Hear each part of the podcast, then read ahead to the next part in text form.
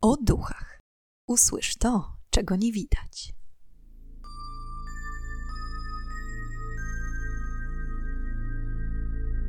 Witam i pytam, czego dusza pragnie.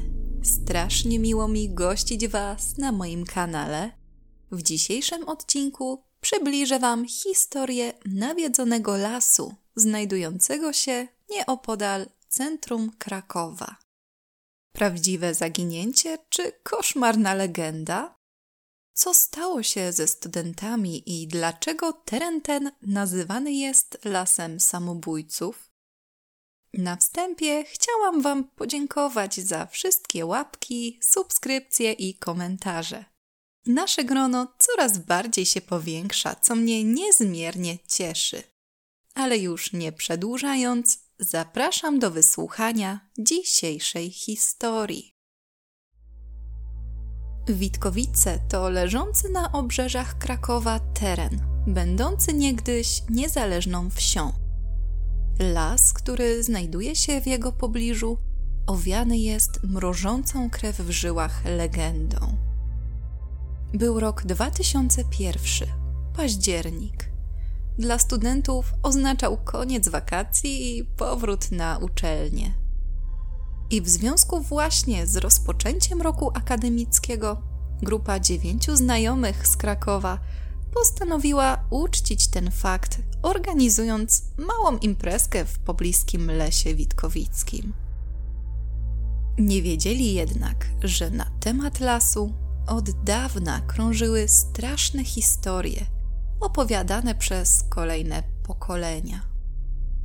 W XVII wieku Witkowice, zwane wtedy Mireną, były spokojną wsią powstałą w XII wieku, w której mieszkańcy wiedli niczym nie wyróżniające się życie. Głównie trudnili się pracą na roli i grzybobraniem. Ich spokój jednak został zakłócony pewnego dnia przez pojawienie się w lesie nieznajomych.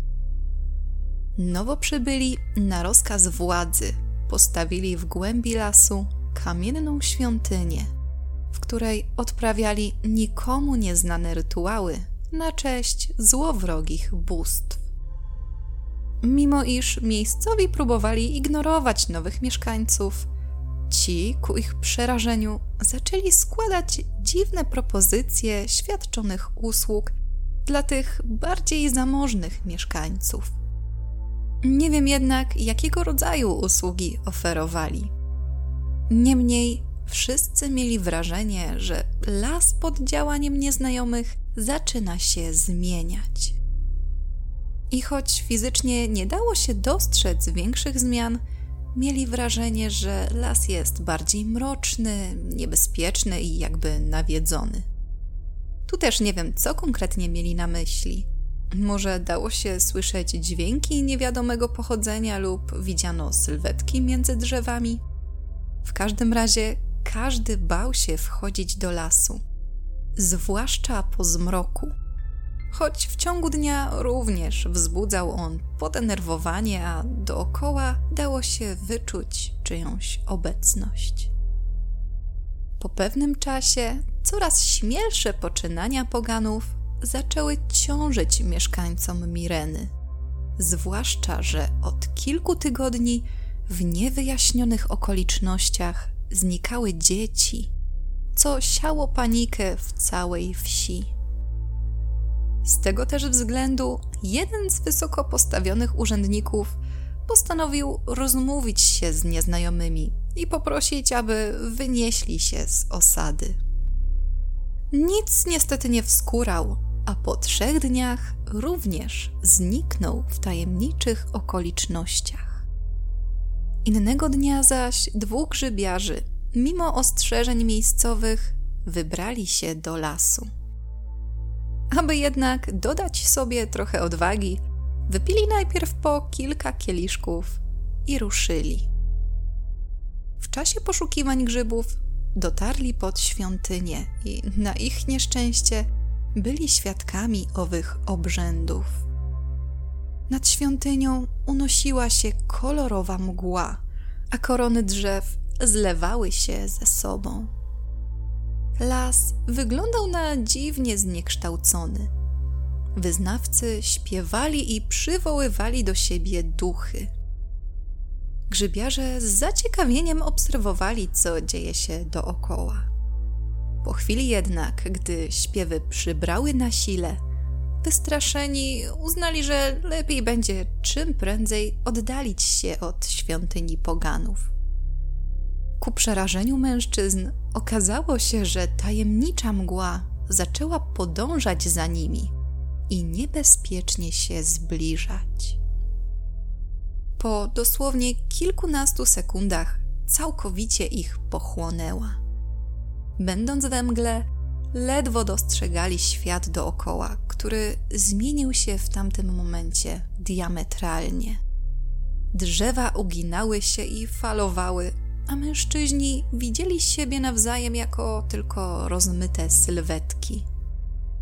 Po tym wydarzeniu ślad po grzybiarzach zaginął na kolejne dwa dni.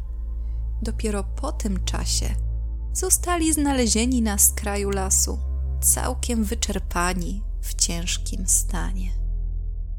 Zapytani o to, co się stało i gdzie podziewali się przez ostatnie noce, powiedzieli tylko, że wszystkiemu jest winien las. Jednak nie był to koniec dziwnych wydarzeń. Około trzy tygodnie po odnalezieniu grzybiarzy, a w sumie pięć lat po wybudowaniu świątyni, w osadzie wybuchł pożar, który strawił niemal wszystkie domostwa, a mieszkańcy Mireny zniknęli w niewyjaśnionych okolicznościach. Co było przyczyną pożaru? Tego nie wie nikt. Po pożarze na miejscu Mireny powstały istniejące do dziś, najpierw jako osobna wieś, a teraz jako część terenu Krakowa, Witkowice. Historia o nawiedzonym lesie przekazywana była z ust do ust, jednak liczne grupy badawcze chcące odnaleźć szczątki kamiennej świątyni nigdy na nie nie natrafiły. Co jednak stało się ze studentami w październiku 2001 roku? W godzinach wieczornych cała dziewiątka wybrała się do lasu. W planach mieli rozbić mały obóz, rozpalić ognisko i rozpocząć świętowanie. W trakcie wędrówki, około godziny 20.30, na grupę studentów miał trafić starszy mężczyzna mieszkający w leśnej chatce.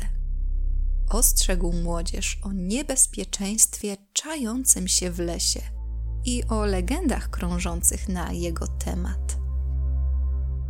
To, jak się można domyślić, nie zraziło studentów. Być może skwitowali ostrzeżenie śmiechem i po prostu ruszyli dalej. W niektórych źródłach można również natrafić na informacje, jakoby las miała zamieszkiwać ponad 90-letnia staruszka, mówiąca, że mieszka w lesie, w domu, w którym straszy. Czyżby oprócz nadprzyrodzonych zjawisk Witkowicki las zamieszkiwała również czarownica? Jednak wracając do studentów, wszystko początkowo szło według planu. Jednak po pewnym czasie, zmierzając w głąb zarośli, studenci mieli przejść przez mały mostek, za którym rozciągała się gęsta mgła. Gdy przekroczyli te granice, zniknęli i nigdy już nie wrócili do swoich domów. Czy była to ta sama mgła, która pochłonęła grzybiarzy kilka wieków wcześniej? Gdy minęły pierwsze 24 godziny, rodziny studentów postanowiły zgłosić zaginięcie. Policja, choć niechętnie, przyjęła zgłoszenie i rozpoczęła śledztwo, które jednak miało być dość ślamazarne. Pierwsze poszukiwania odbyły się dopiero po czterech dniach od zaginięcia. Funkcjonariusze przeczesali las, jednak nie znaleźli ani śladu po świątyni, ani po studentach. Mijały kolejne dni, tygodnie, miesiące, a śledztwo nie poruszyło się do przodu ani o krok. W końcu zrozpaczone rodziny oraz przyjaciele zaginionych postanowili rozpocząć poszukiwania na własną rękę i w tym celu wynajęli prywatnego detektywa. Jednak i ten nie potrafił pomóc. Po około sześciu miesiącach policja umorzyła dochodzenie z powodu braku postępów w śledztwie. Po ogłoszeniu policji przyjaciele studentów postanowili wybrać się w miejsce zaginięcia po raz kolejny i na swój sposób uczcić pamięć o nich, pijąc za zdrowie zaginionych. Będąc w gęstych zaroślach, jeden z nich w pewnym momencie zauważył, że kilka metrów dalej w mchu coś bardzo błyszczy. Niewiele myśląc, podszedł bliżej i ku jego zdziwieniu okazało się, że w krzakach leży aparat fotograficzny, którego obiektyw odbijał promienie słońca. Student pokazał pozostałym swoje znalezisko i wszyscy czym prędzej udali się do fotografa, aby wywołać film z aparatu. Gdy te były już gotowe do odbioru, młodzi ludzie oniemieli. Na zdjęciach widoczni byli zaginieni studenci, jednak w tle las wyglądał całkiem inaczej niż na co dzień. Przyjaciele, uznając to za dowód, zanieśli zdjęcia na policję. Na miejscu jednak funkcjonariusze szybko przejęli dowody i nakazali studentom zapomnieć o tym, co widzieli i nie mieszać się w nie swoje sprawy. Ci jednak nie poddali się tak łatwo i zaczęli wypytywać miejscowych, czy wiedzą coś więcej na ten temat. Tym oto sposobem poznali legendę tajemniczej świątyni i śmiercionośnego lasu. Nie mogąc pogodzić się z nowymi informacjami, z trudem zaakceptowali, że prawdopodobnie już nigdy nie spotkają swoich przyjaciół policja nigdy nie ujawniła szczegółów śledztwa oraz nie podała personaliów zaginionych studentów do publicznej wiadomości. Czy zaginięcie studentów wydarzyło się naprawdę, a policja utrudnia śledztwo oraz ukrywa niewygodne informacje?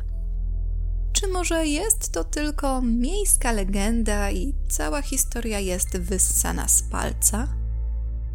Niepokojący jest fakt, że w lesie tym na przestrzeni lat miało dochodzić do wielu samobójstw.